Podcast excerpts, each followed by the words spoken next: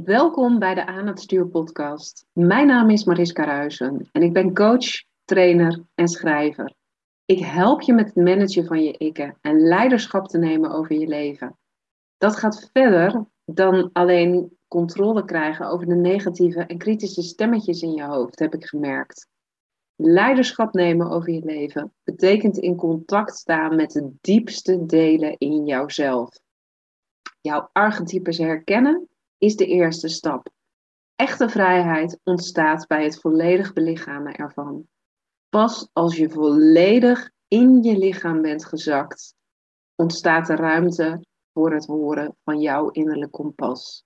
Want die weet altijd de weg. Ik wens je heel veel luisterplezier. En tof dat je weer luistert naar een nieuwe episode van de Aan het Stuur podcast, waarin ik met inspirerende vrouwelijke ondernemers in gesprek ga over hoe zij leven vanuit hun vrouwelijke energie. Vandaag heb ik een bijzondere gast die misschien ook best wel wat een controversie op gaat roepen. Ik spreek namelijk met Maria Johanna. En zij is een van de mensen die plantmedicijnen in Nederland heel erg uh, heeft gemaakt en heel erg mainstream heeft gemaakt. Nou, als je niet weet wat plantmedicijnen zijn, dat zijn medicijnen uh, die je meenemen op een innerlijke reis. Je gaat ervan trippen, dus je zou de vergelijking kunnen trekken met drugs. Het fijne is alleen dat dit je heel dicht bij je ware essentie brengt. En dat het ook absoluut niet schadelijk is voor je lichaam. Nee, het is zelfs helend. Steeds meer onderzoeken tonen dat aan dat dat ook daadwerkelijk zo is. Nou, de plantmedicijnen van Maria Johanna, de Choco Bliss, heeft een hele belangrijke uh, rol gespeeld in mijn eigen ontdekkingstocht en waarom ik nu met de vrouwelijke archetypes werk. Um, en daarom vond ik dat zij niet mocht ontbreken in deze reeks. Met haar spreek ik ook over hoe je de healer in jezelf op een gezonde manier omarmt. Want Maria heeft best wel wat werk gedaan om ervoor te zorgen dat uh, ze in de eerste plaats zichzelf eert in plaats van er altijd voor anderen te zijn. Ik wens je heel veel luisterplezier.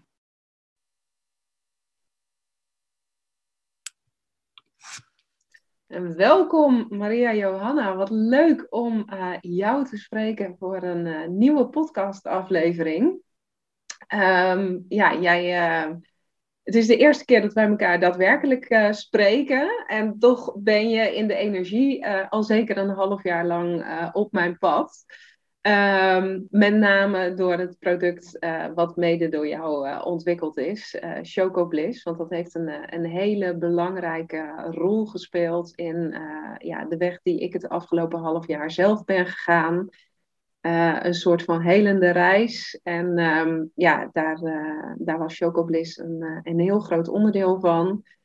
En ja, nu ik begon met deze podcastreeks, had ik zoiets van, ja, dan, dan kan dit stukje niet ontbreken. Want ik kan wel zeggen van, nou, hey, um, uh, als je je vrouwelijke archetypes gaat, gaat eren, dan komt alles goed. Um, maar ik had het zonder de Chocobliss zeker niet gekund. En toen ik ging kijken van, nou, welk archetype zie ik in jou echt wel heel erg vertegenwoordigd. Toen dacht ik, nou, ik wil sowieso met jou in gesprek. Uh, want ik denk dat in dit gesprek zeker ook de healer aan bod uh, gaat komen. Want dat is wel een archetype waar jij helemaal voor staat. Ja. Um, ik was net aan het appen uh, voordat we dit gesprek ingingen naar een vriendin. want die wilde iets weten. En toen zei ik van nou, ik heb nu geen tijd. Want ik ga zo een podcast interview in met Maria Johanna. En toen zei ze, Maria Johanna, dat zijn mijn doopnamen. Maar wie is dat dan? ja, heel grappig. Um, zou jij zelf wat meer kunnen vertellen over wie jij bent voor de mensen die jou niet kennen? Want het is, het is meer dan twee namen die veel voorkomen als doopnamen. Ja, dat, daar kan ik ook wel weer heel wat over vertellen. Dus ja, mijn namen zijn Maria Johanna. En die heb ik niet altijd gebruikt. Mijn roepnaam is Marietta en achternaam Schouten. En als je Marietta Schouten googelt, dan kom je op een boek dat heet Quarter Life Challenge. Dat heb ik gepubliceerd en daarmee leefde ik mijn dromen, hielp ik young professionals om hun weg te vinden. Dus wanneer ze in een quarter life crisis zaten. Dus voor de mhm. mensen die het weten, je hebt een midlife crisis, maar ook een quarterlife crisis. Want ja, tegenwoordig lijkt het alsof alles mogelijk is, de wereld ligt aan je voeten. Maar wat kies je dan als er zoveel te kiezen is? Dat was ook mijn uitdaging. En toen ik carrière begon te maken, voelde ik van, ja, dit geeft me geen voldoening. En ook begon ik zoiets te zeggen als, oké God, uh, ik begon daarmee te praten, maar ook wel een beetje van, als je dan bestaat, mhm. dan maak je me niet wijs dat mijn leven draait om een carrière maken in een kantoorpand. Ik verveelde me snel, ik uh, wilde meer, ik voelde geen echte voldoening. Dus dat bracht mij op een persoonlijke en spirituele zoektocht, maar vooral eerst op het gebied van persoonlijke ontwikkeling. Dus ik zeg nu eigenlijk wat ik al heb gedaan, ja, wie ik ben, is weer iets ja. anders, maar daar was ik toen nog niet helemaal achter. Uh, ik was dus op zoek heel erg naar wat wil ik in mijn leven, om uiteindelijk, toen ik mijn dromen leefde, te ervaren van er mist iets. En toen kwam ayahuasca op mijn pad. En daar vond ik het antwoord op wie ik ben. En toen begreep ik, als je het antwoord vindt op wie je bent, dat voorbij woorden gaat, wat ook wel omschreven wordt van wie God kent, omschrijft hem niet, zegt Paulo Coelho voor, uh, bijvoorbeeld. Mm de Alchemist was ook een boek wat mij heel erg inspireerde. En ik was ook op zoek naar de schat, net als de jongen in het boek van de Alchemist. Dat is een schaapsherder die reist en die op zoek is naar zijn schat. En dat kun je dus symbolen zien als je missie. Ik was dus ook op zoek naar mijn missie. En op het eerste moment dat dus hij was op mijn pad kwam en ik naar een ceremonie ging, want ik heb dus geen onderzoek gedaan, maar ik heb puur op gevoel besloten, dit wil ik doen, zo snel mogelijk. En ik vond het vooral bijzonder van, oh wauw, dit is dus in mijn eigen land. Zelfs in mijn eigen stad was dat toen, in Amsterdam.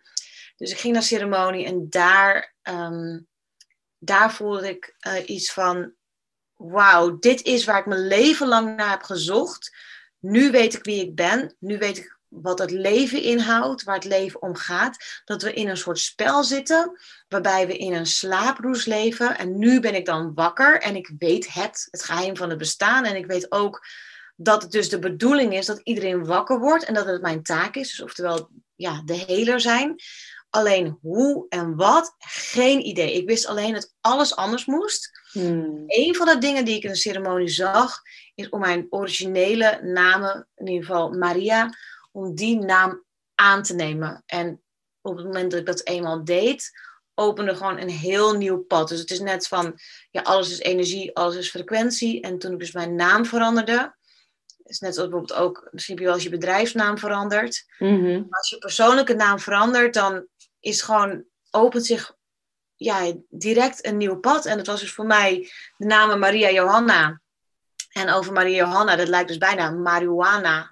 Ook een plantmedicijn. Dus ja, ja, ja. dat ging niet door. Maar er werd al heel snel dat grapje gemaakt. Uh, Maria Johanna, Maria, marijuana, oh, marijuana. En ja. dus ja, in mijn naam zit al de heler. En in het Hebreeuws betekent Maria Johanna ook, ik wil moeder aarde helpen. Heb ik oh, uh, een reading voor. Dus ook voor jouw vriendin.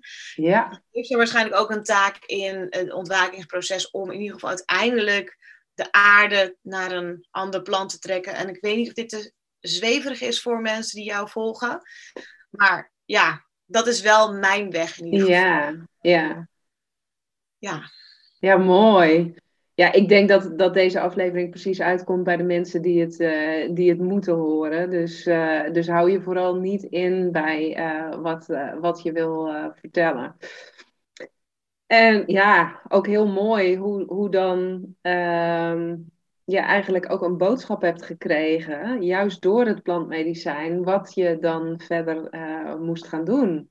Maar ja, op een gegeven moment was het natuurlijk wel zo dat, dat ayahuasca verboden werd in Nederland. Um, en ja, dat, dat denk ik dat wel een obstakel voor jou is geweest. Daar zit een heel stuk tussen. Uh, tussen mijn eerste reis en dat moment dat het uh, verboden werd. En eigenlijk is het altijd verboden geweest sinds 1985, mijn geboortejaar.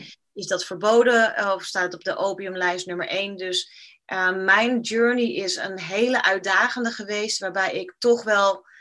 Ik wil er niet te diep op ingaan, maar toch mhm. wel vaker met justitie te maken heb, politie aan mijn deur en al dat soort dingen. En veel moed heb moeten hebben uh, om toch mijn missie voort te zetten. Met verschillende pauzes ook erin. En die pauzes waren vooral sabbaticals om naar een hoger plan te gaan als, ik noem maar even urban shaman. Dat noem ik zo omdat het dan makkelijker begrijpbaar is. Van ik ben een urban persoon, heel westers. Maar ik werk toch met planten, ik heel mensen. Dus er zit ook een shamaan in mij. Dus ik noem het dan ja, urban shaman, urban shamaan. Maar uh, het is niet een makkelijk pad. Ook omdat je het lijden van heel veel andere mensen ziet. Dus dat, dat laat je niet koud. En zeker, ja, je, ja, ja, dat zul je zelf ook hebben als uh, heler en als helper. Mhm. Je bent empathisch. Dus in die zin is het niet makkelijk. Maar ook, um, ja, je doet toch iets wat um, ja, niet echt mag. En toen het dus echt officieel soorten met verboden werd. Ik bedoel, ja, we zijn, uiteindelijk zijn we allemaal soeverein. Dus je kunt ook zeggen, geldt de wet? Ja, gaat misschien Ja. een beetje ver. Ja. Ehm, ja, je bent op zich een soeverein mens ook. En dan, ja, nou goed, dat gaat een beetje te ver. Maar in ieder geval is het uitdagend geweest. En op een gegeven moment, ehm, we hadden het al even over de archetype heler. Mhm. Daar kun je ook zo in opgaan dat je zoveel van jezelf geeft. Waardoor ik uiteindelijk een ceremonie had. En het was dan in een eh, dieta. En een dieta is een retreat voor mensen die met plantmedicijnen werken. Om ja, sterker te worden in je bezieling en je krachten in het geven van ceremonies. En dat doe je met een masterplant. En in dit geval, ik wist niet eens ook dat het de hoogste boom was, maar het is de hoogste boom van de jungle. Die heet Noyarau.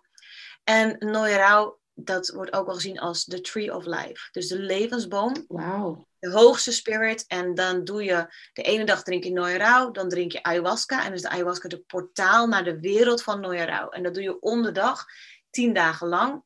Je cleanst ook je lichaam en je doet ook een bepaald dieet zonder zouten, zonder toevoegingen, zonder... Eigenlijk eet je gewoon alleen drie soorten fruit hadden wij. Banaan, mandarijn en appel. Mhm. En we aten alleen ehm, bijvoorbeeld ehm, quinoa, rijst of iets anders zonder toegevoegde zouten of smaken. En dan gewoon gekookte groenten, ook niks toegevoegd. Heel simpel om Mhm. het schoon te maken. En dat retreat, daar was ik eerst al bang dat ik zou krijgen dat ik mijn ayahuasca-carrière zou moeten stoppen, omdat ik daarvoor al wat tekens had gekregen.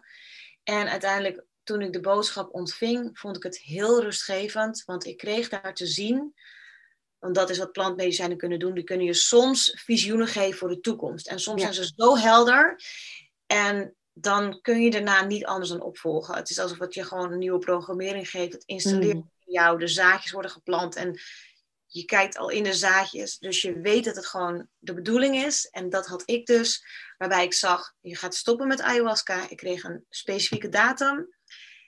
En daar werd toen ook gezegd, dus over het hele het type, eh archetype, de heler, Ja. geeft zoveel aan anderen. Want ik deed de ayahuasca-ceremonies in mijn eigen villa, was dat toen, in Vinkenveen, waarin iedereen over de hele wereld overvloog om mijn retreats te doen. Het was met name internationaal en enkele Nederlander die kwam. En ehm, ja, ik kreeg een soort van, stel dat je terugkijkt aan het einde van je leven, dan heb jij zoveel gegeven, maar wat geef jij jezelf? En toen kon ik terug toewerken naar het stoppen, omdat ik een aantal maanden daar nog voor had. Het was augustus 2019 en ik ben gestopt dan in december 2019. En ehm, ja, dat, uh, dat voelde toen uiteindelijk heel erg goed. Eerst wel wennen, maar dat is ook met grote beslissingen, denk ik, dat je moet je, dat moet je even verwerken en het Ja. toeleggen. Maar we hadden het in het voorgesprek erover, dus dat is de, het gevaar als je een heler bent, dat je soms te veel geeft aan anderen, maar te weinig aan jezelf. En ik kreeg ook visioenen te zien, dus wat ik voor mezelf mocht leven en vooral ook dat ik op Bali moest zijn. Mm. Ja, en, en hoe bijzonder dat je dat dan dus ook allemaal hebt, hebt opgevolgd. Want ik kan me voorstellen, ja, ik, ik weet inmiddels zelf hoe het is om, om met de spirit te reizen. En dat het dus ook gewoon een absolute waarheid is, waar gewoon niet aan te tornen valt. Maar ehm, ja, je hebt wel een, een deel van je levenswerk op moeten geven. En als je dan ook nog eens zegt van, nou, ik had een hele fijne villa in Vinkenveen. Uh, om dan door te krijgen van, ja, ga maar naar Bali toe. Ik denk dat er heel veel vrouwen zouden zijn die zouden denken van wat, wat, wat gebeurt er nu? Mijn wereld staat op zijn kop en, en ik weet niet of ik hier wel gehoor aan ga geven. En jij deed het wel. Ja, klopt. En soms is gewoon iets de bedoeling. Want ik zou ook ergens denken dat ik met tranen in mijn ogen en heel veel verdriet zou afscheid nemen. Want ik had zoveel liefde, aandacht uh, ja, en ook geld gestopt in die villa. Mhm. En in echt heel abrupt was het ergens ook alweer. Want ik had geen idee van de toekomst. Geen idee. En ook weer van hoe ga ik dan weer geld verdienen? En ja, maar plantmedicijn is onderdeel van wie ik ben. Dus ik kan me niet voorstellen zonder plantmedicijnen iets te doen. En wat dan? En um, dat was heel apart. En toch was het afscheid met gewoon zoveel voldoening. En voelde het heel erg kloppend. Um, ja, maar het was absoluut een, uh, een groot turning point. Maar omdat ik dan alleen wist, ik ga ook toe naar heel veel tijd voor mezelf. En daar mm. verlangde ik dus toen ook wel na. Was het goed? En misschien herken je dit van jezelf. Dus dan maak je een beslissing. En toen ineens voelde ik, ik heb eigenlijk een marathon gelopen. Je doet maar, je gaat maar, je gaat maar. Ik denk vooral ook jonge moeders dat herkennen van je doet het maar, je gaat maar en dan ineens gaat je kind naar school of wordt die ouder. In dit geval stopte ik met mijn ceremonies. En toen dacht ik, ik kan ook lopen. Ik kan ook wandelen. Ik hoef niet meer te rennen. en dat vond ik zo fijn, maar tegelijkertijd ook afkicken. Het was gewoon afkicken. En dan is Bali een hele fijne plek om naartoe te gaan. Dat was de plek waar ik tot rust kwam. En dat was wel vlak voor de coronatijd. En ja, dat was ook weer een nieuw hoofdstuk, denk ik, voor de meeste mensen. Ja, ja want, want hoe gek is het om dan te zien dat de hele wereld op zijn kop staat, maar je ook te realiseren van, hé, hey, ik kan nu ook niet meer ieder moment terugvliegen naar Nederland als er iets met mijn familie aan de hand is of zo. Daar is ook een stukje tussen, maar dat klopt. Um, want ik had andere reizen gepland. Dus ik was in Bali februari, mhm. maart 2020. En ik had al gepland om terug te gaan. Dus ik ben wel teruggegaan naar hier. Met reisplannen van Canada. Ik ging ook bij UK ging ik naartoe. Iets spreken op een podium zou ik. Voor 4000 mensen. En ik zou naar Hawaii. En dus ergens denk ik, want twee reizen van, die waren geheel verzorgd, hoefde ik niks voor te betalen. Dus um, het was net alsof het gewoon het leven een paar soort jokers in het leven had gestopt. Van, jij hebt twee reizen gewonnen, ik heb nog nooit iets gewonnen. en het is uiteindelijk ook niet gebeurd, dus ik heb nee, het niet... Nee, wel... Ja, um, maar ik ben daarom dus wel teruggegaan naar Nederland maar wat ik dus ook zag is, wauw, dankjewel planten. I am saved by the bell. Want als ik niet was gestopt, had ik zo'n financiële flop gehad. Maar dat hmm. geld is niet natuurlijk het ergste, maar het had mij zoveel stress gebracht om iedereen te annuleren. Ik had, ja, wat ik zei, ik had op dat moment, ja, ik zou zeggen, alleen maar buitenlandse deelnemers op mijn ayahuasca retreats. En ja, dat had zo stressvol voor mij geweest als ik het allemaal had moeten annuleren en regelen en zoveel pijn gedaan. Dus zo zie je dus als je die opvolgingen, ja, als je de ingevingen opvolgt vanuit je ceremonies, en dat heb ik zo vaak al meegemaakt, en daardoor wordt het ook makkelijker. Mhm. Ja, hoe bijzonder dan van wauw, dus ik ben nu helemaal vrij eigenlijk. En ondertussen zat al lang al de chocobliss op mijn deur te kloppen. Want die waren ook al op mijn pad sinds ook dat augustus 2019. Maar ik had geen ruimte om daar echt aandacht aan te geven. En toen ontstond dus in de coronatijd.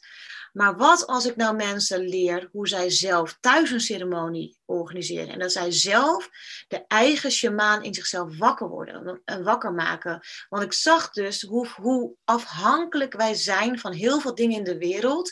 En ik dacht toen de coronatijd begon, we moeten onafhankelijk zijn als individu. We moeten zien waar we voor staan. En als je weet waar je voor staat, dat is in deze tijd gewoon heel belangrijk. En dat zit in je hart en in je bezieling. Dus als ik nou het plantmedicijn naar mensen hun huiskamer kan brengen, Want ik deed mijn eigen ceremonies in mijn eigen huiskamer. Mhm. Wat nou als ik mijn huiskamer als het ware kan transporteren naar die mensen in het buitenland, waarbij dus reizen moeilijker is. Ik dacht, maar als ik dat dan internationaal op die manier kan verspreiden, dat zij de eigen shamanen zichzelf wakker maken en zelf hun ruimte, een ceremonieruimte kunnen creëren, zodat ze hun eigen heler kunnen worden. Want jij, ja, jij bent al inmiddels een aantal ceremonies verder. Ja. Jij hebt dat doorlopen eigenlijk, ja. Ja, ja, ja, dat, dat klopt wel. Ja. ja, ik vind het ook heel mooi dat je zegt van je eigen shamaan worden. Uh, want ja, zo voelde het voor mij wel. Uh, er zijn ja, de afgelopen maanden ook wel mensen geweest die zeiden van... Goh, waarom zoek je niet gewoon een goede coach of therapeut? En dan zei ik van, ja, ja dat kan, maar uh, met één avondje Choco Bliss, ja, daar kunnen geen tien therapiesessies tegen op. Want daar ga ik toch echt dieper mee dan met welke goede coach of therapeut dan, dan ook. ja. En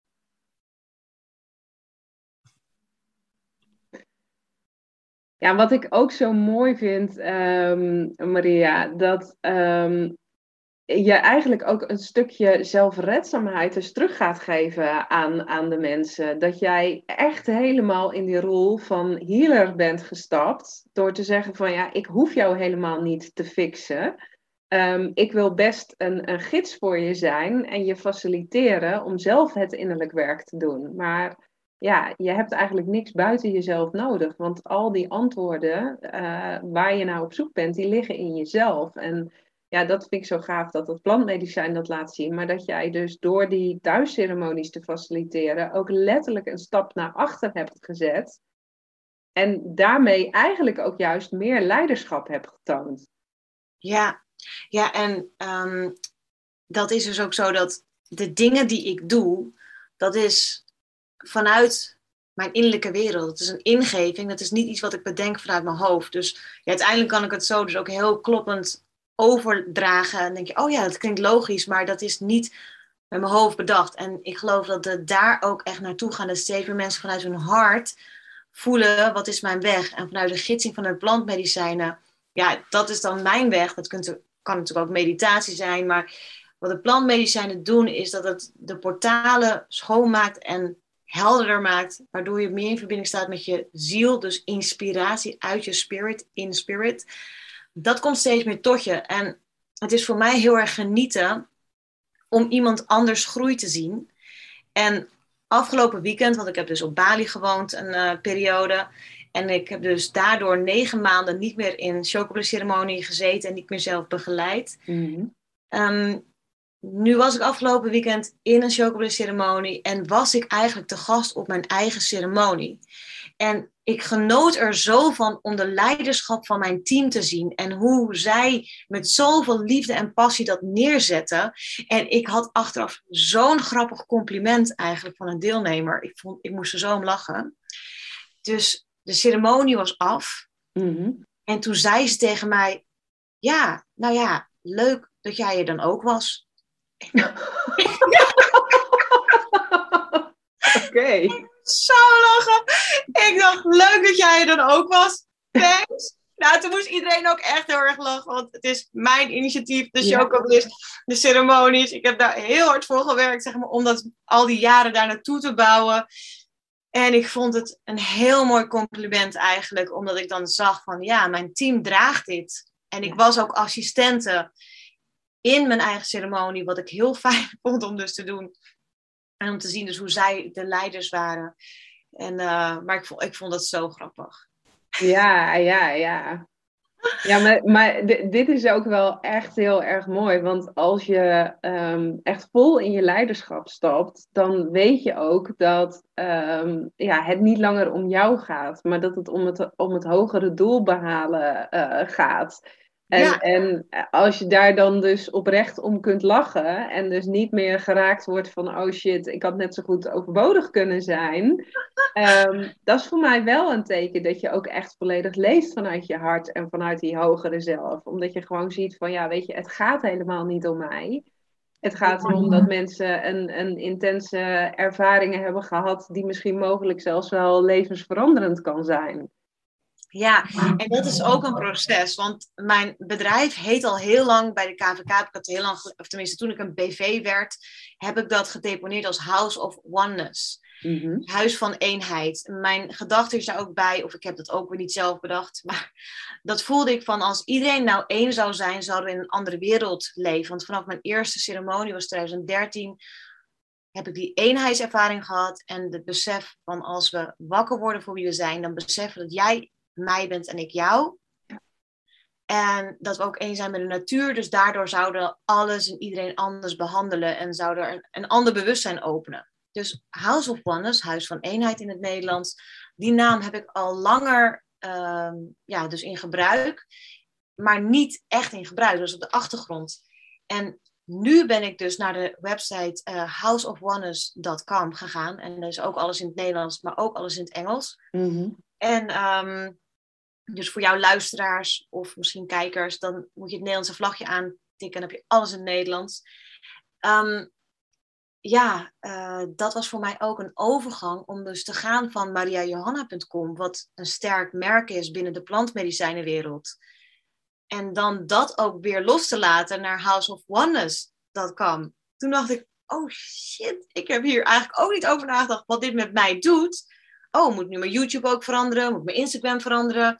Oh, moet nu alles veranderen? En dat ik er ook weer in een soort shock kwam van, oh ja, dat betekent dus ook weer een hele rebranding. Maar dat doet ook weer iets met jou als persoon. En ik denk dat veel mensen die luisteren naar jouw podcast, of ondernemer zijn of ondernemer willen worden. Mm. Ja, en een naam is dan dus ook alweer een uh, effect door die te veranderen. Maar dat betekende ook meteen zoveel rust van ja, en als dus deze naam staat, House of Oneness, dan hoef ik ook niet altijd zelf op de video te zijn. En dan willen mensen misschien ook liever iemand anders uit mijn team dan mij. En dat is eigenlijk heel rustgevend. En dat proces is de natuurlijke groei. Ja. Ik denk ook niet dat dat eerder misschien zo had gekund. Maar nu ik hier ben, vind ik dat heel erg fijn. En omdat ik denk dat heel veel ondernemers luisteren. Ik heb mijn onderneming, zeker met ayahuasca, zeker toen ik ook echt zo mijn eigen villa had, heb ik dat heel erg gezien als mijn bedrijf is als een gezin ergens. Ja, ik ben zelf geen moeder, maar mhm. ik zag mezelf dan wel als moederrol. Van, vooral als je ceremonies begeleidt, ben je heel verzorgend. Uh, moet je aan heel veel details denken. Je ziet ook alles. Als één kaarsje uit is in de ceremonie, dan zie je dat en dan weet je dat. En je hoort alles. En ja, ik zag mezelf ook als een soort moeder, waarbij ik dus ook, uh, want jij zei ook dat jouw heling fysiek was, mentaal, maar ook financieel. En dat, ja. jij gelooft in het holistische principe, dat was in het voorgesprekje. Nou, zo zie ik het ook. Dus ik dacht dat van, ik ben als een moeder, mijn bedrijf is als een moeder. Mijn bedrijf was al als een huis van eenheid. Iedereen was welkom, wat voor achtergrond, nationaliteit of alle, alle kleuren, uh, culturen heb ik in mijn huis gehad. En zo zag ik mijn rol ook wel een beetje als een moeder, waarbij ik dacht, ik moet zelf dus ook independent zijn. En dan was het ook een stukje ondernemerschap, dus ook financieel. Stel dat iemand ineens uit mijn ceremonie een vlucht naar Amerika terug naar huis of, of weet ik veel waar moet nemen, dan moet ik het ook kunnen zorg dragen. En zo zie ik dat alle lagen ook, dus je ondernemerschap, wat je doet vanuit je hart, maar ook het de materie, dat het allemaal ja, in lijn staat met elkaar en in verbinding staat met elkaar. Ja, mooi.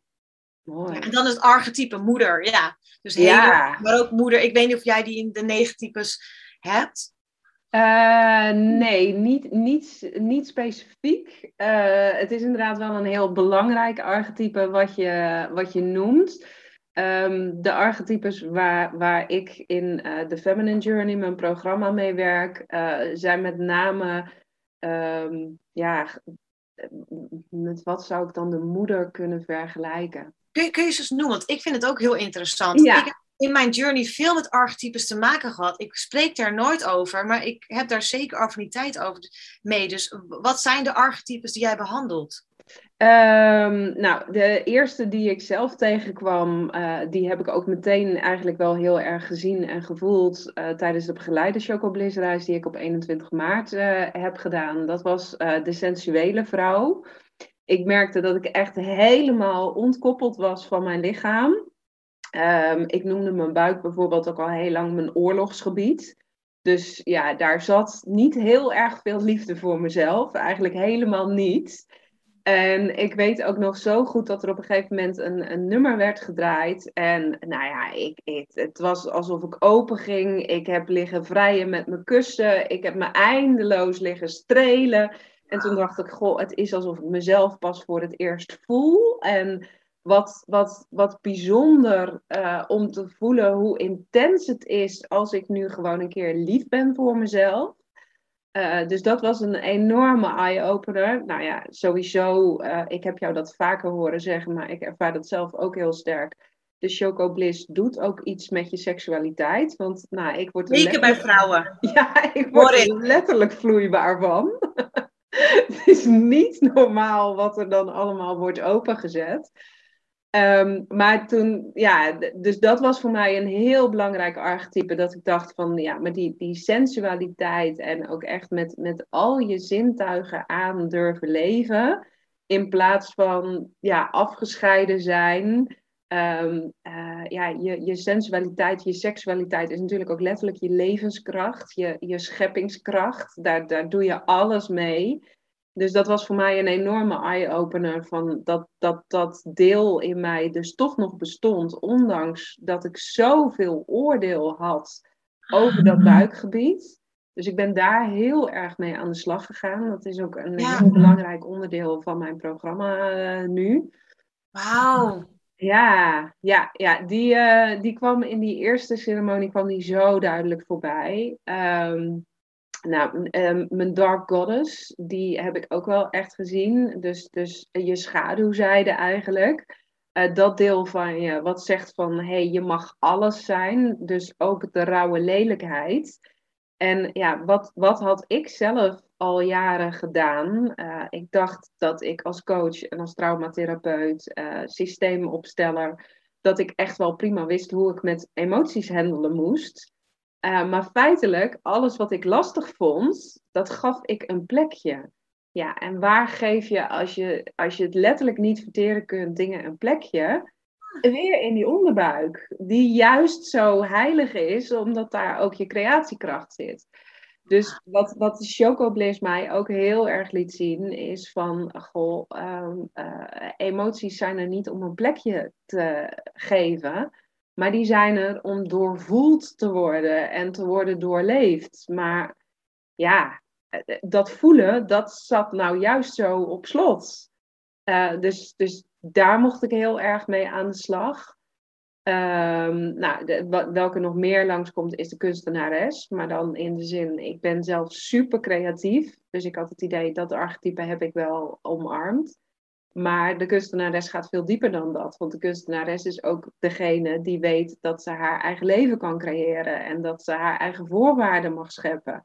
En dat ze dus niet zich hoeft te conformeren naar alles zoals je denkt dat het hoort in de maatschappij. Maar de kunstenares die volgt haar eigen weg. Ik denk dat die uh, bij mij ook best wel ontwaakt is. Al ja, ja, zeker. Ja. Ik bedoel, jij, jij bent echt wel iemand die, die, die tegen de stroming durft ingaan. Maar ja, op het moment dat dat van je hogere zelf wordt gevraagd.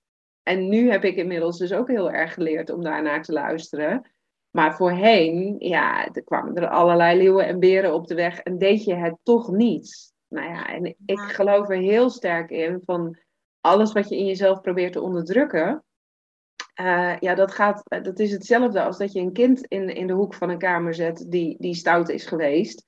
Dat kind dat gaat om aandacht roepen, want die wil niet terzijde worden geschoven. Ja, dat is met je archetypes precies hetzelfde. Dus hoe meer je die drang van je kunstenares eigenlijk um, probeert te negeren, uh, hoe harder ze zal roepen. En daarom vind ik het ook zo mooi dat jij zegt van het is voor mij nooit een optie geweest om die drang te negeren. Want ik, ik kon niet anders dan een gevolg aangeven.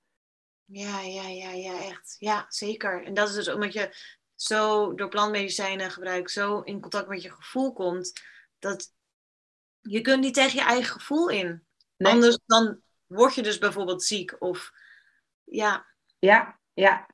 Nou, andere archetypes die ik ben uh, tegengekomen en die ook onderdeel uitmaken van de Feminine Journey, dat zijn uh, je strijder, maar dan wel de vrouwelijke variant ook ervan. Want de warrior, de harde mannelijke energie van pushen, doorduwen om je zin te krijgen, ja, die kennen we allemaal. Nou, dat, daar was ik de verpersoonlijking van geworden, zo ongeveer. Dat, dat ik dwars door alles heen wilde beuken en dat ik altijd aanstond, standje vloed. Nou, nou, mijn lichaam communiceerde heel letterlijk met me, want vloed was wat ik, wat ik kreeg in de vorm van bloedingen. Ehm, maar als je de, de vrouwelijke strijder in jezelf gaat belichamen, ja, ik zie die dan zelf heel graag als een soort van catwoman. Dat is de vrouw die altijd on top of alles is en die ook voelt van, hé, hey, ik kan niet falen, want ik heb negen levens. Maar ik wil wel die grootste versie van mezelf, die wil ik wel eren. Dus, dus ik, ik ga ongeacht wat voor mijn doel, maar wel door, door stroming te volgen, door intuïtie te volgen, door toe te geven aan die flow. Ja. Um, nou, dan heb je de heilige goddelijke vrouw nog. Ik denk dat daar ook wel het moederarchetype in zit. Maar wat ik me ging realiseren was van, ja, weet je, um, voor onze jaartelling werden wij vrouwen als godinnen vereerd. Um, en werden we door mannen ook op handen gedragen. Nou, moet je kijken wat er gebeurd is onder invloed van het feminisme. Dat we met z'n allen zeggen, ik kan mijn mannetje wel staan. En daarmee wijs je de, de, de man, de partner in je leven eigenlijk keihard af. Want je kan het allemaal zelf wel. Ja, en ondertussen komt er een verharding in je. Terwijl heel diep van binnen willen we niks liever dan uh, gedragen worden en geëerd worden. En vanuit die energie kunnen we vervolgens inderdaad ook die moeder voor anderen zijn. Kunnen we voor anderen weer gaan dragen. Maar zolang je zegt, ik doe het wel alleen, ja, Dan, dan, dan kan het niet anders dan dat je ergens halverwege de top gaat, gaat instorten, omdat je dus niet je pure waarheid leeft. Ja, ja, zeker. Dat heel veel sterke vrouwen daar uitdagingen mee hebben. Ja, ja, ja.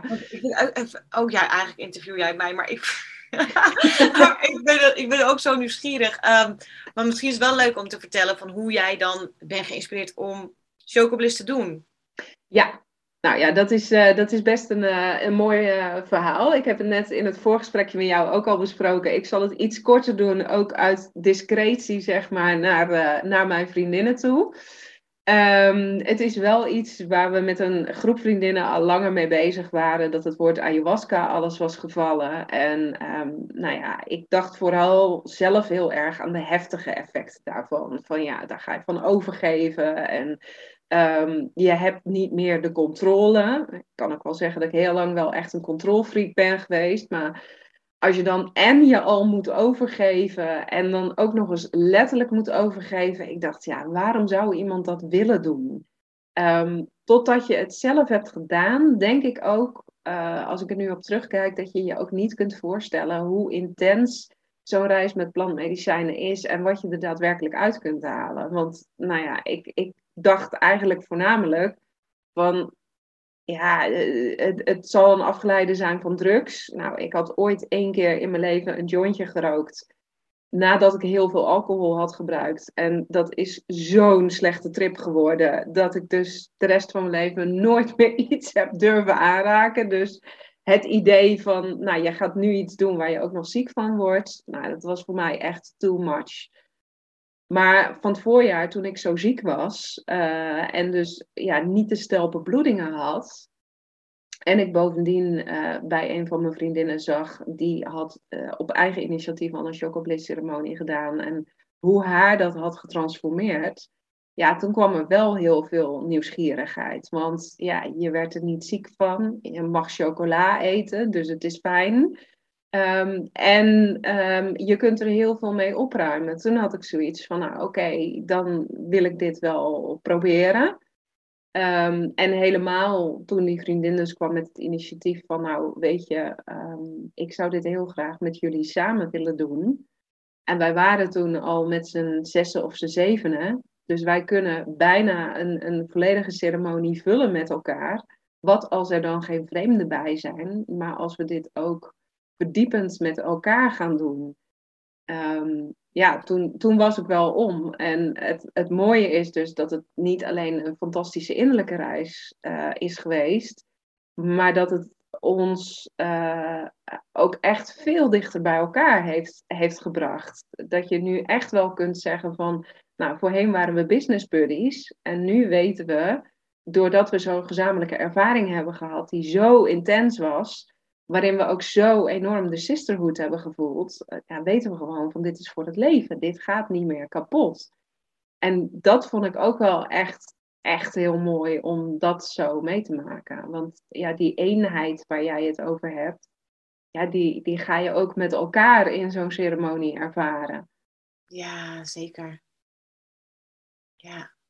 Ja, ik heb ook wel verschillende ceremonies gedaan. Nou, bijvoorbeeld onder andere met mijn moeder en met mijn zusje. Ik heb mijn vader ook zelf begeleid, mijn zussen allebei zelf begeleid. Maar ja, ehm, als je in ceremonie bent bij als deelnemer, kun je ook kun je ook wel eens heel erg bezig zijn met je partner of familie. Ja. Ja, ja herkenbaar. Heel herkenbaar. Um, wij, wij wilden het dus met een, met een vast clubje meiden doen. En uh, uiteindelijk is niet iedereen meegegaan. Dus we hadden eigenlijk net iets te weinig deelnemers. En uh, nou, toen, is, toen hebben we zelf als groep besloten van nou, dan mag er iemand anders uh, bij die wij ook wel kennen, die, die op dat moment in een lastige periode zat. Eh, en ehm, nou, die, die, die nemen we dan op in de groep. Alleen wat ik dus nooit had uitgesproken naar de rest, was dat ik een enorme uh, aversie had. Er was nog iets op te lossen tussen ons. Ja, en wat gebeurt er natuurlijk? Wij lagen naast elkaar in de ceremonie. En ik heb me verschrikkelijk liggen irriteren op een gegeven moment. Van, joh Anne, hou nou toch eens een keer je kop. Uh, want zij had heel erg veel moeite om in overgave te komen en, en, en zich over te geven aan het medicijn. En ik weet nog heel goed dat Sylvia, een van de begeleiders, er op een gegeven moment bij kwam. En dat ze zei: Misschien moet je proberen om niet overal woorden aan te willen geven. En misschien mag je gewoon eventjes dit doen.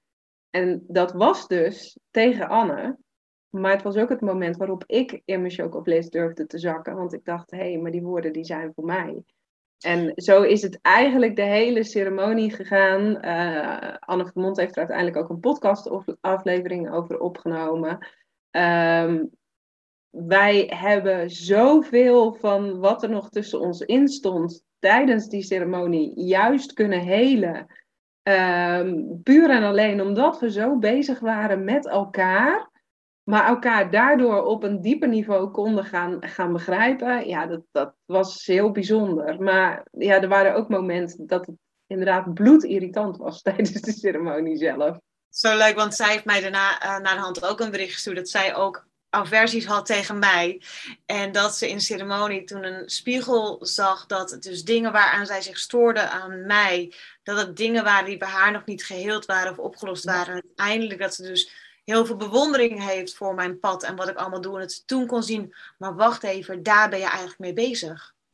Dus het was ook heel leuk voor mij uh, om dat te ontvangen. Ja. Ja, ja dus het, uh, ja, super, super eigenlijk om, uh, om zo die reis naar binnen te maken. Want ik kan me best voorstellen dat als mensen deze podcast nu zitten te luisteren, dat ze denken van ja, maar wat is dat dan, een reis naar binnen en, en, en eenheid ervaren en zo. Ik, ik weet niet of jij daar nog iets meer over zou kunnen vertellen, want het is best ongrijpbaar uh, natuurlijk als je het nog nooit hebt gedaan.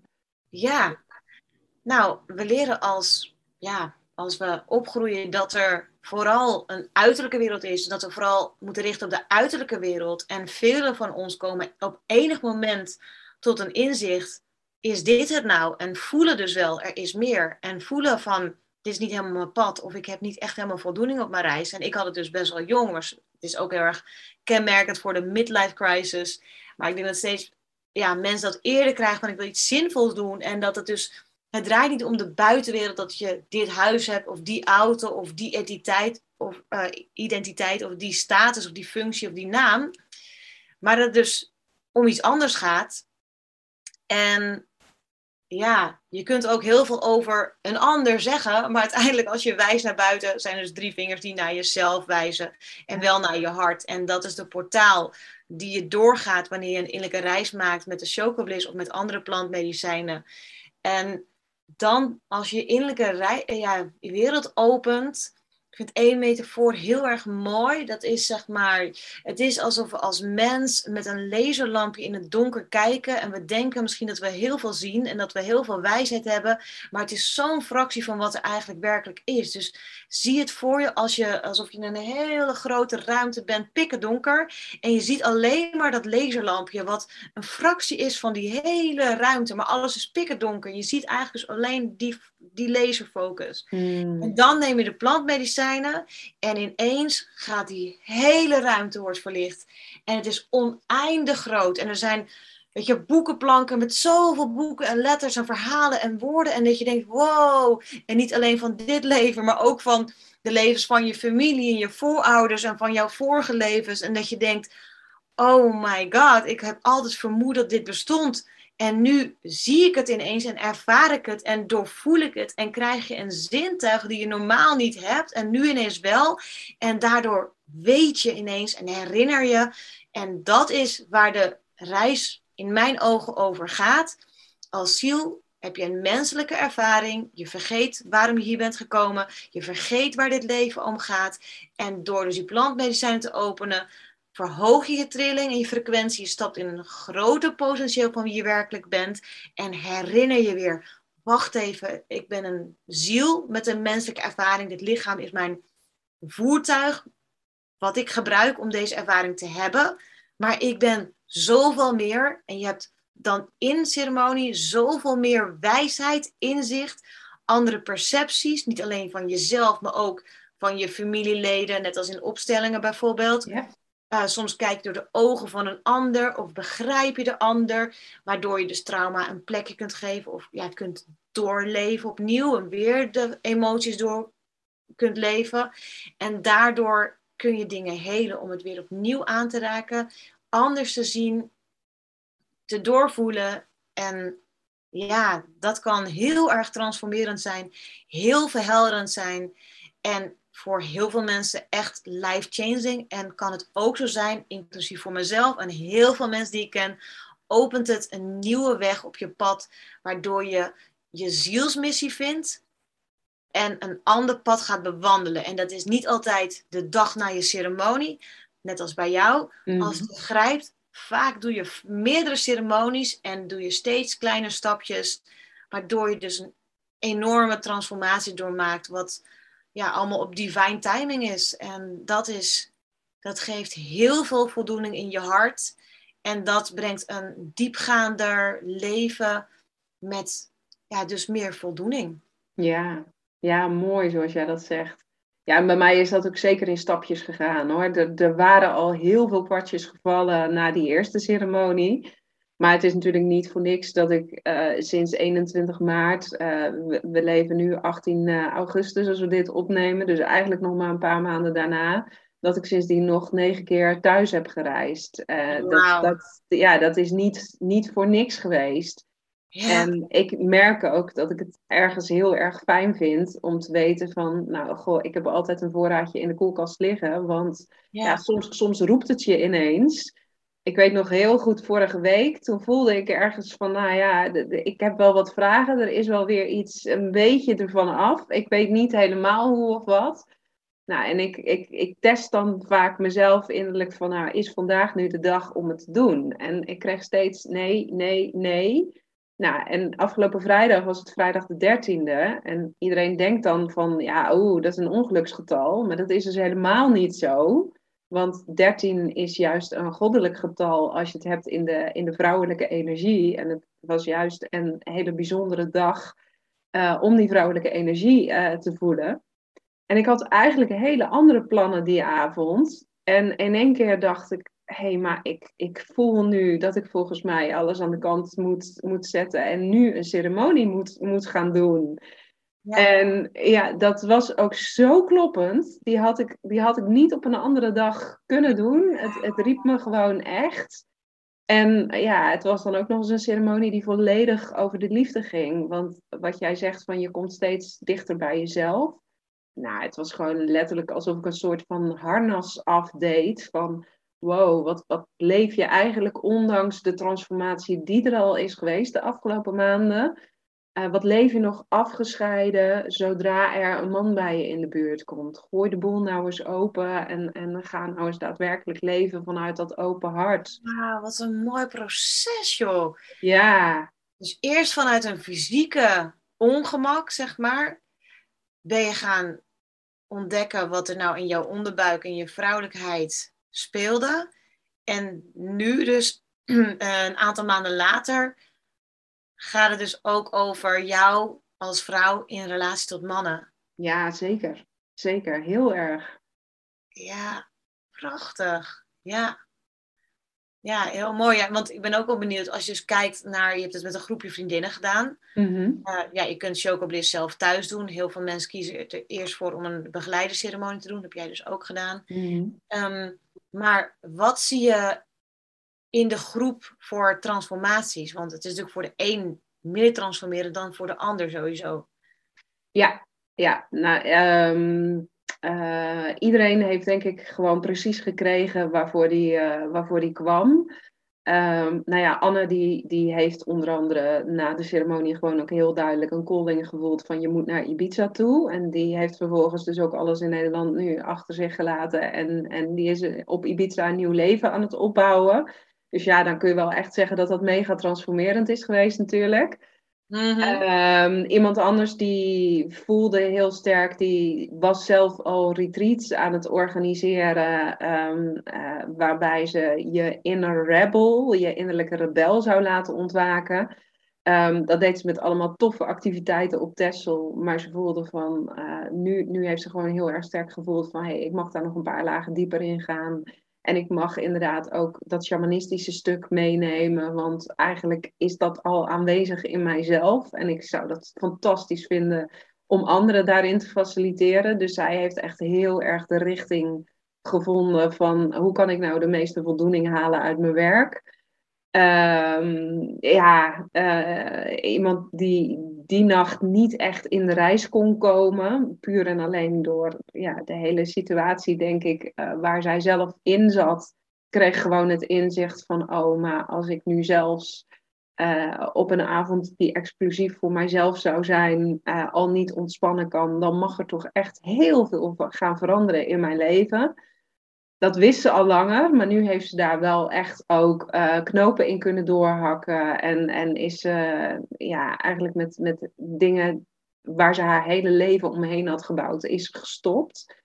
Dus ja, ik, ik denk echt wel dat het voor heel veel van ons um, meer is geweest dan gewoon een avondje sisterhood en um, uh, een bijzondere ervaring. Want uh, ja, ook, ook de dames die maar één keer hebben gereisd, sommigen hebben dan daarna nog wel begeleide ceremonies gedaan.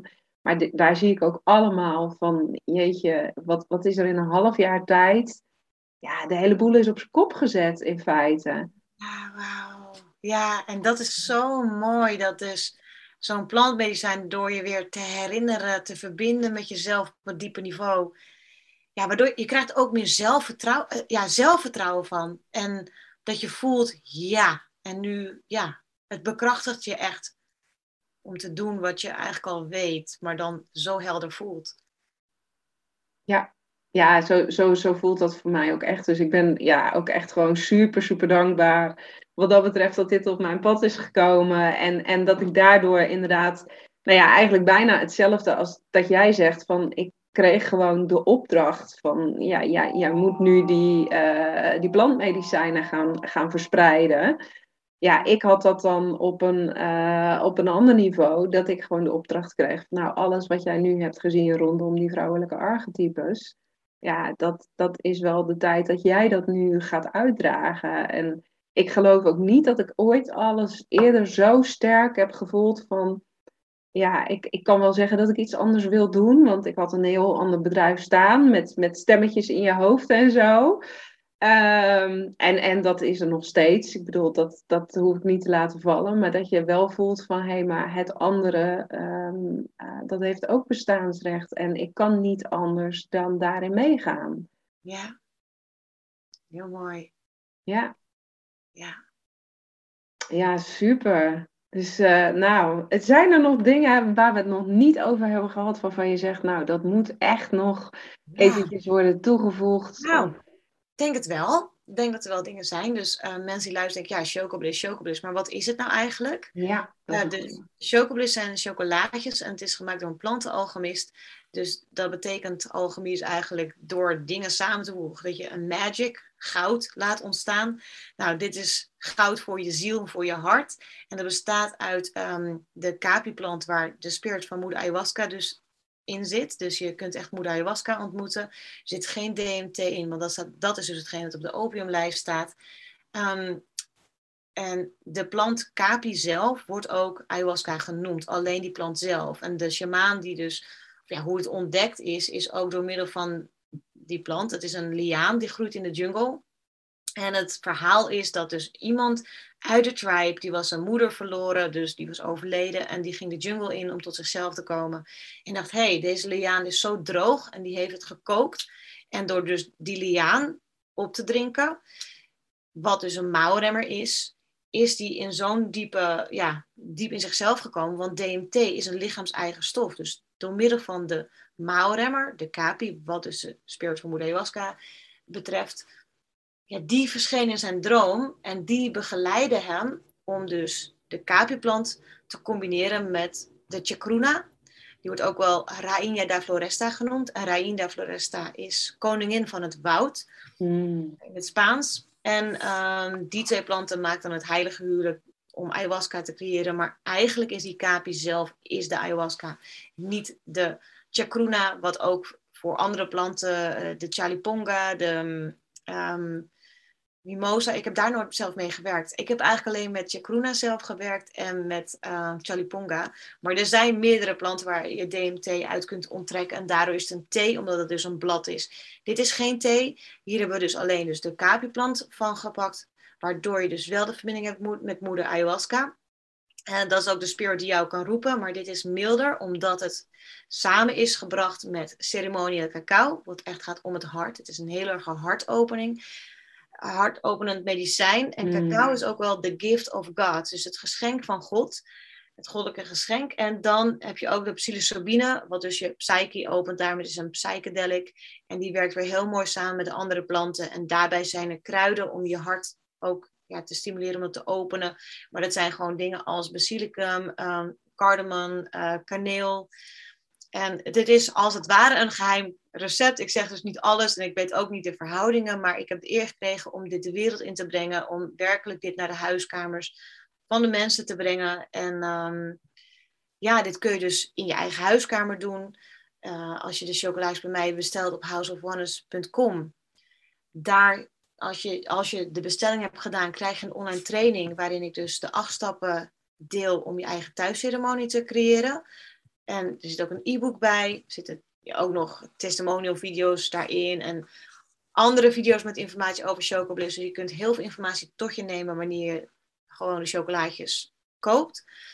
Je kunt ook dus veel leren daardoor. En je kunt ook kiezen voor een uh, online ceremonie of een begeleide ceremonie. En dat is dus ook uh, wat Mariska heeft gedaan. Een begeleide ceremonie door middel van mijn team. Af en toe ben ik er zelf ook. Ik ben er dus vorige week geweest. Maar uh, als mensen dit luisteren, is het denk ik al wat later. Maar ik heb voor aanstaande zaterdag ben ik er weer bij. En dan 16 oktober, maar dat is allemaal al volgeboekt. Mm. Mm, um, ja, dus het wordt vooral verzorgd door mijn team. En ja, zij doen het gewoon zo fantastisch goed. En het is dus ook wel heel fijn om die begeleiding te hebben. Als je het eng vindt, uh, als je twijfelt, als het de eerste keer is, maar ja, er zijn genoeg mensen, want ik ben dit in coronatijd begonnen. Toen had ik eerst ook geen begeleide ceremonies. Um, deels doordat de lockdown er was. uh, toen wist niemand nog echt wat corona was. Maar uiteindelijk kwam ook vanzelf kwam gewoon die locatie naar mij toe. En toen ben ik het gewoon gestart om uh, weer begeleide ceremonies neer te zetten. En ja, dat is eigenlijk aan jezelf of je het thuis wil doen, alleen wil doen, in een groep wil doen, met een partner wil doen. Ja, dat is voor iedereen verschillend. Ik vind het zelf heel mooi om in een groep te reizen. Maar ook in je eentje is heel bijzonder, want dat heb jij natuurlijk veel gedaan. Hoe, hoe was het voor jou voor het eerst om dan alleen te gaan reizen met Chocobliss? Um, ja, ik denk dat er bij mij de, de eerste keer ook wel een, een soort van verbetenheid bijna in zat. Van, um, nou, de eerste ceremonie die had mij heel erg veel gebracht, uh, vertelde ik al. Die heeft me heel, hele waardevolle inzichten gegeven. En uh, het zorgde er ook voor dat ik uh, met een waslijst aan vragen eigenlijk overbleef. Ja, zo van, ja, maar hoe zit dit dan? En hoe zit dat dan? En um, toen had ik zoiets van, ja, maar als het overal antwoord op kan geven, dan wil ik dus nu ook precies weten hoe het zit. En um, nou, het heeft mij dus ook wel echt een paar thuisceremonies gekost uh, voordat ik me ook echt helemaal kon overgeven aan het uh, medicijn. Want die eerste keren had ik zoiets van, nou, ik lag nog net niet op mijn horloge te kijken van wanneer gaat het nou eens werken. Want uh, ja, ik moet dit weten, ik moet dit weten. Um, terwijl ja, het eerste deel, op het moment dat het begint te werken, kom je vaak toch ook in, in wat hallucinaties uh, terecht. En, en kom je terecht in, in hele andere werelden um, uh, waar ja, beelden door elkaar heen lopen en zo. En je er eigenlijk nog niet echt chocola van kunt maken. Dat je, dat je nog niet echt weet van waar gaat dit nu over. En ik merkte dat me dat in het begin heel erg frustreerde. Omdat ik zoiets had van ja, ik wil alles weten. En pas ja, na, na de tweede of de derde ceremonie kwam daar meer rust in. En, en zag ik van, ja, maar hoe ongeduldig ik ook ben, ik krijg uiteindelijk altijd waar ik om heb gevraagd en wat ik nodig heb. Uh, dus laat ik nu maar eens gaan genieten van de reis. En, en toen ging ik dus eigenlijk ook pas uh, de bijzondere effecten ervan voelen. Um, toen zijn er ook momenten geweest, nou, jij benoemt dan van ja, weet je, je de, het medicijn opent je hart. Maar er is echt een moment geweest dat ik dacht van, joh, ik, ik ben via mijn hart ongeveer een, een orgasme aan het krijgen of zo nu. Terwijl ik geen enkele vorm van seksuele stimulatie heb. Maar het is alsof alles openbarst en, en, en ik alleen maar hoef te drijven op golven van geluk. En nou, die ervaring, die kon ik niet hebben toen ik nog in dat verbeterde stukje zat van, ja, dit is therapie en ik moet alles oplossen voor mezelf. Dus ik heb daarin ook wel mogen leren spelen van, hoe kun je ermee omgaan? En, en het heeft me natuurlijk ook heel veel laten zien. Niet alleen van hoe werkt het medicijn, maar vooral ook hoe sta ik, hoe stond ik op dat moment in het leven? Met een bepaalde verbeterheid, met een bepaalde kramp van hé, hey, ik, alles moet nu en alles moet wel per direct. En ik kan überhaupt niet genieten van de reis die het leven aan zich is. Ja, ja dat is ook heel erg natuurlijk menselijk in de westerse wereld. daarom is Bali zo, voor mij zo geliefd. Maar ja, we leren hier heel erg achieven, achieven en dingen gaan snel. Um, zeker ook in Amsterdam. Ik was vorige week met mijn neefje in, in Amsterdam. Die zei, wat lopen de mensen hier snel? Wat fietst iedereen hier snel? Heeft iedereen haast of zo de hele tijd? Ja, dat is wel wat we heel erg leren. Dingen moeten snel, um, moeten perfect. Um, we hebben zoveel rollen te vullen. En ja, ik denk ook dat ja, deze tijd ook heel erg gaat over dat thuiskomen bij jezelf. En ieder voor zichzelf te ontdekken. Maar waar gaat mijn leven echt om? Ja. En moet het allemaal gaan om resultaat en altijd nuttig zijn en presteren? En soms wel Maar dat kun je niet 365 dagen per jaar volhouden. Nee, nee, nee. Dus, dus ja, in die zin, eh, het is gewoon echt een totale transformatie geweest. Want gewoon iedere, iedere reis die ik heb gemaakt met de Choco Bliss, die liet me, ja, iedere keer hield het me weer een spiegel voor. Uh, alleen al de manier waarop ik een bepaalde ceremonie inging, hield het me weer een spiegel voor van, ja, maar wat ben je nou eigenlijk aan het doen? Want, want als je dit nu doet, the way you do anything is the way you do everything. En uh, ja, er is zoveel meer rust gekomen in mijn systeem en zoveel meer uh, vertrouwen ook.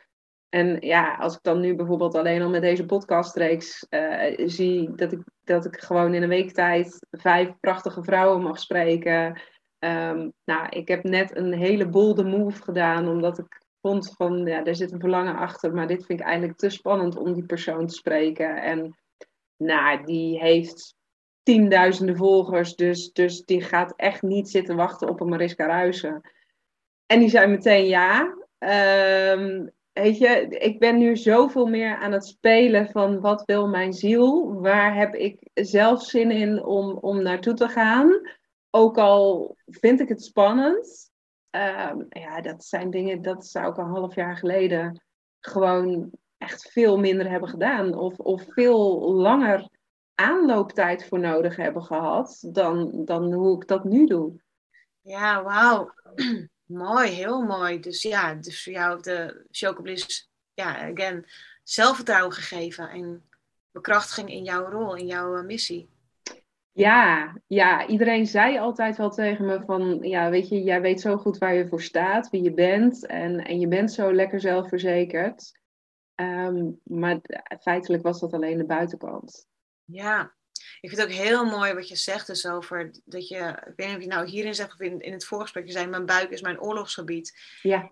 En ehm, hoe we dan dus door het fysieke daar te beginnen, dan zoveel ontdekkingen te doen. En dat het dus niet alleen in je missie, maar ook in je vrouwelijkheid en in je persoonlijke liefdesleven dus heel erg heeft geholpen. Ja, ja.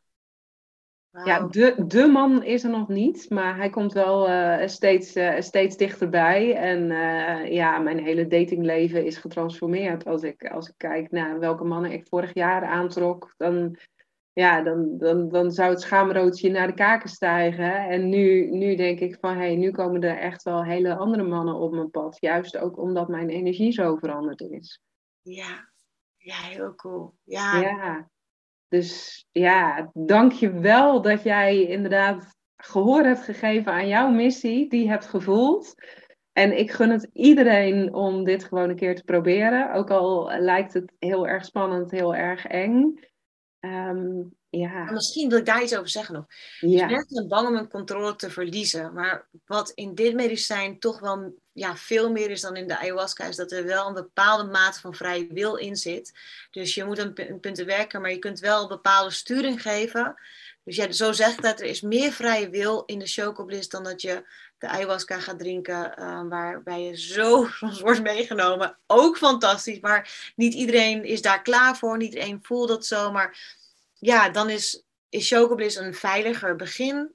Um, en ook een tool die je gewoon zelfstandig maakt om het ook thuis uiteindelijk te doen. In plaats van dat je weer afhankelijk bent van die shamaan of iets buiten jezelf. Het is echt, brengt je echt helemaal bij jezelf. En uh, ja, dat gun ik ook weer iedereen. Ja, ja, mooi. Ga vooral uh, door met de missie, uh, zou, ik, zou ik zeggen. Um, je hebt het al genoemd, maar als mensen nu aan het einde denken van... Goh, ik wil, ik wil meer weten van Maria Johanna, ik wil meer volgen. Um, Instagram en House of Oneness? Of zijn er nog andere dingen waar ze jou en, vooral ja. moeten volgen? Ik merk dus dat mensen het altijd verkeerd verstaan. Ze denken House of Wonders. Ja, het is ook wonderful, maar het is een wonder. Maar het is House of Oneness, dus huis van eenheid.com, houseofoneness.com. En op Instagram gebruik ik nu nog gewoon de naam Maria Johanna Official. Uh, ik weet niet of ik het nog ga veranderen, maar in ieder geval uh, via jou kunnen mensen mij wel vinden. En ook via mijn website kun je de Instagram vinden. Ik ben op Instagram wel iedere dag actief. Dus uh, ja, superleuk als mensen me daar ook kunnen volgen en meer kunnen leren over chocobliss of andere plantmedicijnen of microdosing wat ik aanbied. Dus ja, voel je welkom. Dankjewel.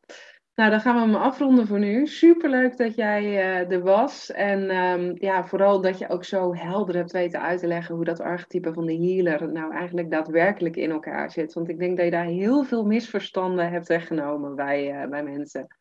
Oh ja, wauw, dankjewel dat je het zegt. En het is voor mijzelf ook een, uh, echt een transformatieproces geweest om dus ook in de valkuil te te trappen dat je als hier gewoon zoveel wilt geven. Je doet ook met al je, ja, je liefde, met heel je hart. En um, ja, het is een transformatie voor mezelf geweest. En ik wil jou ontzettend bedanken dat jij zo open bent geweest over je eigen reis. Ook best wel persoonlijk om zo kwetsbaar dit op een podcast te zetten. En ehm, ja, dat veel mensen ook geïnspireerd mogen worden. En dit is echt een iets, ja, plantmedicijnen, of het spreekt je aan en je bent nieuwsgierig. Je denkt, hé, hey, nou, ga ervoor, weet je. Maar, of je hebt gewoon iets van, nou, dat, dat is niet voor mij. Dus dat vind ik zo mooi aan dit. Het is zo simpel. Je voelt gewoon ja of nee. En ik heb zoveel op mijn pad gehad dat als mensen vroegen wat doe je, dat ze niet eens hoorden wat ik deed. Ik dacht, oh, ze luisteren niet eens. En later zijn ze opeens helemaal weg van plantmedicijnen. Dus het is niet, ja, ik weet één specifiek voorbeeld en ik denk dat veel mensen hem kennen. Dat is Jesse van der Velde. Mm veel mensen kennen hem vanuit de gezondheids, uh, ja, vanuit de gezondheidsinvalshoek. Mm Ik heb hem eerder ontmoet en toen vertelde ik ayahuasca deed. Nou, hij vond mij echt gewoon zo'n rare. Hij deed, hij deed best wel grof tegen mij en negeerde mij en die zette mij echt weg als. En toen later ontmoette ik hem en zei hij, nou, wat fijn dat we elkaar voor het eerst ontmoeten. Ik zei, nou, dit is niet de eerste ontmoeting. En um, nou, zo en zo en zo. En op dat moment was hij helemaal weg van de plantmedicijnen. Dus toen keek hij ook heel anders naar mij. En hij dacht dat hij toen nog niet eens ooit van ayahuasca had gehoord. Hij zegt, nou, ik had toen nog nooit van ayahuasca gehoord. Dat heb ik pas gehoord in dat jaar op dat punt. Toen dacht ik, nee, ik heb het je toen ook al wel verteld. Alleen jij hebt me genegeerd en niet eens gehoord. En nu is hij ook wel bezig met plantmedicijnen. Dus het is grappig om uh, ja, als urban shaman, noem ik het maar, maar even, om dat allemaal te zien hoe mensen daarop reageren. Ja. ja, ja. Ja, en misschien ook nog een mooie als mensen er meer over willen weten. Het boek van Wigert Meerman is natuurlijk oh, ook fantastisch, hè? Ja, op zoek zeker. Het is ook gewoon, ik, ik, wij kennen elkaar ook niet, maar we zijn toch allebei wel een beetje zo boekbeelden, denk ik, op ayahuasca ja, in Nederland. Dus op een gegeven moment liep ik in Apkoude in de supermarkt, dus toen sprak ik hem aan. En toen kwamen we elkaar vaker tegen, want ik woonde in uh, Vinkenveen en hij, ja, ook daar in de buurt, of hij huurde een mhm. kantoor in Apkoude. Dus zodoende ben ik hem op de sportschool tegengekomen en op verschillende oh, gehouden. Dus hij zei dat hij zijn boek ook ging toesturen naar mij. Want op Bali ging dat niet. Toen heeft hij het al oh. aangeboden. Maar, dus ik heb het nu nog niet gelezen. Ik ga ervan uit dat ik het ieder moment ergens kan ontvangen. En ik ga het ook zeker lezen. Oh, ik ben zelf een boek aan het schrijven nog. Oh, oh. vandaag, vandaag was ik gewoon echt met de afrondende hoofdstukken. Het wordt ook wel geredigeerd, of heel veel is al geredigeerd. En ik vind afronden dus super moeilijk. Dus ik ben mijn eigen journey met ayahuasca uh, in een roman aan het vormen. Mhm. en, nu moet ik dus een, uh, een, een hoofdstuk schrijven over een break-up en het begin van de ayahuasca-carrière en zo. Ik vond het zo'n moeilijk hoofdstuk om te, om te schrijven, dat ik het gewoon, ja, ik ben gestopt. En ik dacht, oh, dus morgen ga ik dat schrijven. En ik denk als ik me even toezet, dan is zeg maar volgende week het af. Als ik me echt toezet, zeker. Mm. En is het ook al het redigeren, ben ik ook al in. Dus, nou ja, wanneer zal het klaar zijn? Ik weet niet. Maar het, is, ligt, als ik er alles voor geef, kan het heel snel uh, klaar zijn. Wauw. Wow, dat is ook nog een proces, joh. Een boek schrijven. Ja, daar weet ik alles van. Ik heb ook een boek geschreven. Dus uh, ja, dat is, uh, dat is inderdaad een heel proces. Boek? Sorry hoor, maar hoe heet jij? Uh, ja, ik heb um, toen ik nog volop bezig was met, uh, met de stemmetjes uh, in mijn hoofd, in je hoofd, heb ik dus mijn, mijn stappenplan van hoe neem je zelf weer regie over je leven, heb ik geschreven. Dus aan het stuur is, is mijn boek. Ja, ik heb mijn boek hiernaast me staan. Ik ga het jou even laten zien. Ja, leuk. ja, een hele andere vorm van mij. Dat is zo mooi. Dus het is mm. Life Challenge. En dan ook, net als jij, een heel praktisch stappenplan, wat ik zelf heb doorleefd. Ja. In 20 dagen weet wat je wilt. Het is de krachttechniek. Zes stappen. En ja, heb jij ook niet met je boekje denkt, wow, heb ik dit geschreven? Uh, ja, ja, af en toe dan kan ik het nog steeds ook wel heel bewust erbij pakken, omdat ik merk van, hé, hey, ik, uh, uh, ik heb het zelf weer even nodig. En als ik dan bepaalde dingen aan het lezen ben, dan denk ik, oh ja, ik kwam dit echt uit mijn pen. Eh, overigens is mijn boek, en ik denk dat dat bij jou ook wel zo zal zijn, uh, het is aan de ene kant een praktisch zelfhulpboek uh, met een stappenplan dus van hoe pak je dingen aan. Ja. Maar ik heb ieder hoofdstuk ben ik begonnen met een stukje uit mijn eigen reis. Dus wat ben ik zelf tegengekomen? eh, toen ik bezig was om weer de regie over mijn leven te nemen. Want nou, goed, dat kunnen mensen in eerdere afleveringen horen. Ik ben uh, van een uh, jurist bij het Openbaar Ministerie in loondienst naar zelfstandig ondernemer, coach, therapeut gegaan. En ah. nou, daar had, had toch ook wel wat voeten in de aarde om daar helemaal voor te kiezen. En, en los te komen van de oordelen en meningen van mensen om me heen die allemaal dachten van je gooit nu je carrière in de prullenbak. Ja, natuurlijk. Vriendin van mij zit in hetzelfde proces trouwens. Ook van juristen, fantastisch geweldig en gaat nu ook onderneemster worden. Ja, dus dat, uh, ja, ik kan me iets bij voorstellen. En ja, nee, mijn boek is um, ja, wel vooral gericht als je niet weet wat je wilt in je leven. En mhm. dan echt aan de hand wordt je meegenomen. Heel veel zelfcoachingsoefeningen aan het einde van het hoofdstuk. Dus je kunt het of lezen en gewoon in één ruk lezen. Mhm. Of je kunt ervoor kiezen om de oefeningen te doen en dan stap voor stap jezelf te ontdekken en dus ook je missie. En dingen die ik daarin heb gevormd, ja, dit zijn nog steeds waardevolle dingen. Het is gewoon de basis van waar ik nu ben. En ja, ik heb het heel snel weg, soort, ja, en nooit meer aandacht aan gegeven. Dus soms denk ik, het is echt een goed boek. Misschien moet ik het toch gewoon onder Maria Hanna gewoon opnieuw uitbrengen. Ja. Zodat, zodat samen met mijn tweede boek straks. Dus een roman en dan ook een praktisch boek om te ontdekken. Dus ja, wie weet. Dat zeg ik al zo vaak. Dus ik weet niet of ik het echt doe. Maar het is eigenlijk heel simpel een nieuwe cover. En uh, ja, het zou kunnen. Maar ik weet het niet. Dus, uh, maar ja, boekschrijven is ook een fantastisch proces. En dat is niet alleen voor wat je naar anderen brengt, maar ook voor jezelf. Ja, daar leer je ook weer verschrikkelijk veel over jezelf van. Ja. Ja, daar was ik dus vandaag van, wow, nu moet ik die break-up onder woorden brengen. Mm. Wat dus uh, ergens in mijn boek voorkomt. En ik dacht, wow, ik heb daar vandaag even geen zin in. maar morgen, ja, was dat die break-up die je ook in een eerdere podcast noemt? Dat je door je vader gedwongen werd om nee. afstand te nemen van een vriendje? Oké, want nee, nee, die, die heb ik al wel gehoord. Was. Nee, dit is dan eh, de break-up van uh, met de man die mij naar de plantmedicijnen, naar ayahuasca heeft gebracht. Dus ah. eigenlijk zijn wij spiritueel samen opgegroeid. En ja, is dat degene die misschien werkelijk mijn echte eerste liefde is geweest. Mm. Ja. Oh ja, dan is dat inderdaad wel iets groots om, uh, om te omschrijven. Ja, nou, dat ga ik morgen doen. Ja, nou, we gaan je in de gaten houden met je boek. Want uh, ja. ja je hebt er in ieder geval een mooie teaser voor gemaakt, uh, zodat ja. iedereen al nieuwsgierig is. En ja, ehm, ja nogmaals... het, gaat, het gaat natuurlijk over plantmedicijnen. Het is een ja. maar het gaat natuurlijk over plantmedicijnen. Ja, ja, ja. Ja, mooi. Dankjewel. Yes, jij bedankt. En tof dat je weer hebt geluisterd naar uh, de episode van de Aan het Stuur podcast. Ik ben zo ontzettend blij met jou als luisteraar. Ondanks dat ik zelf onwijs van deze podcast interviews geniet, doe ik het natuurlijk vooral voor jou. Want mijn missie dient een hoger doel. Ik wil dat wij als vrouwen massaal wakker worden, massaal op gaan staan en massaal gebruik gaan maken van die juicy feminine power, van die enorme kracht die in jou zit. Nou, wil je me helpen om de podcast wat meer bekendheid te geven? Laat dan vooral een review achter in Apple uh, Podcast. Want hoe hoger de ranking, hoe makkelijker ik gevonden kan worden in de charts. Daarnaast zou ik het fantastisch vinden als je een inspirerende aflevering hebt gehoord. Als je me wilt taggen op Instagram. En nog leuker natuurlijk als je ook de persoon tagt met wie ik het interview heb gedaan.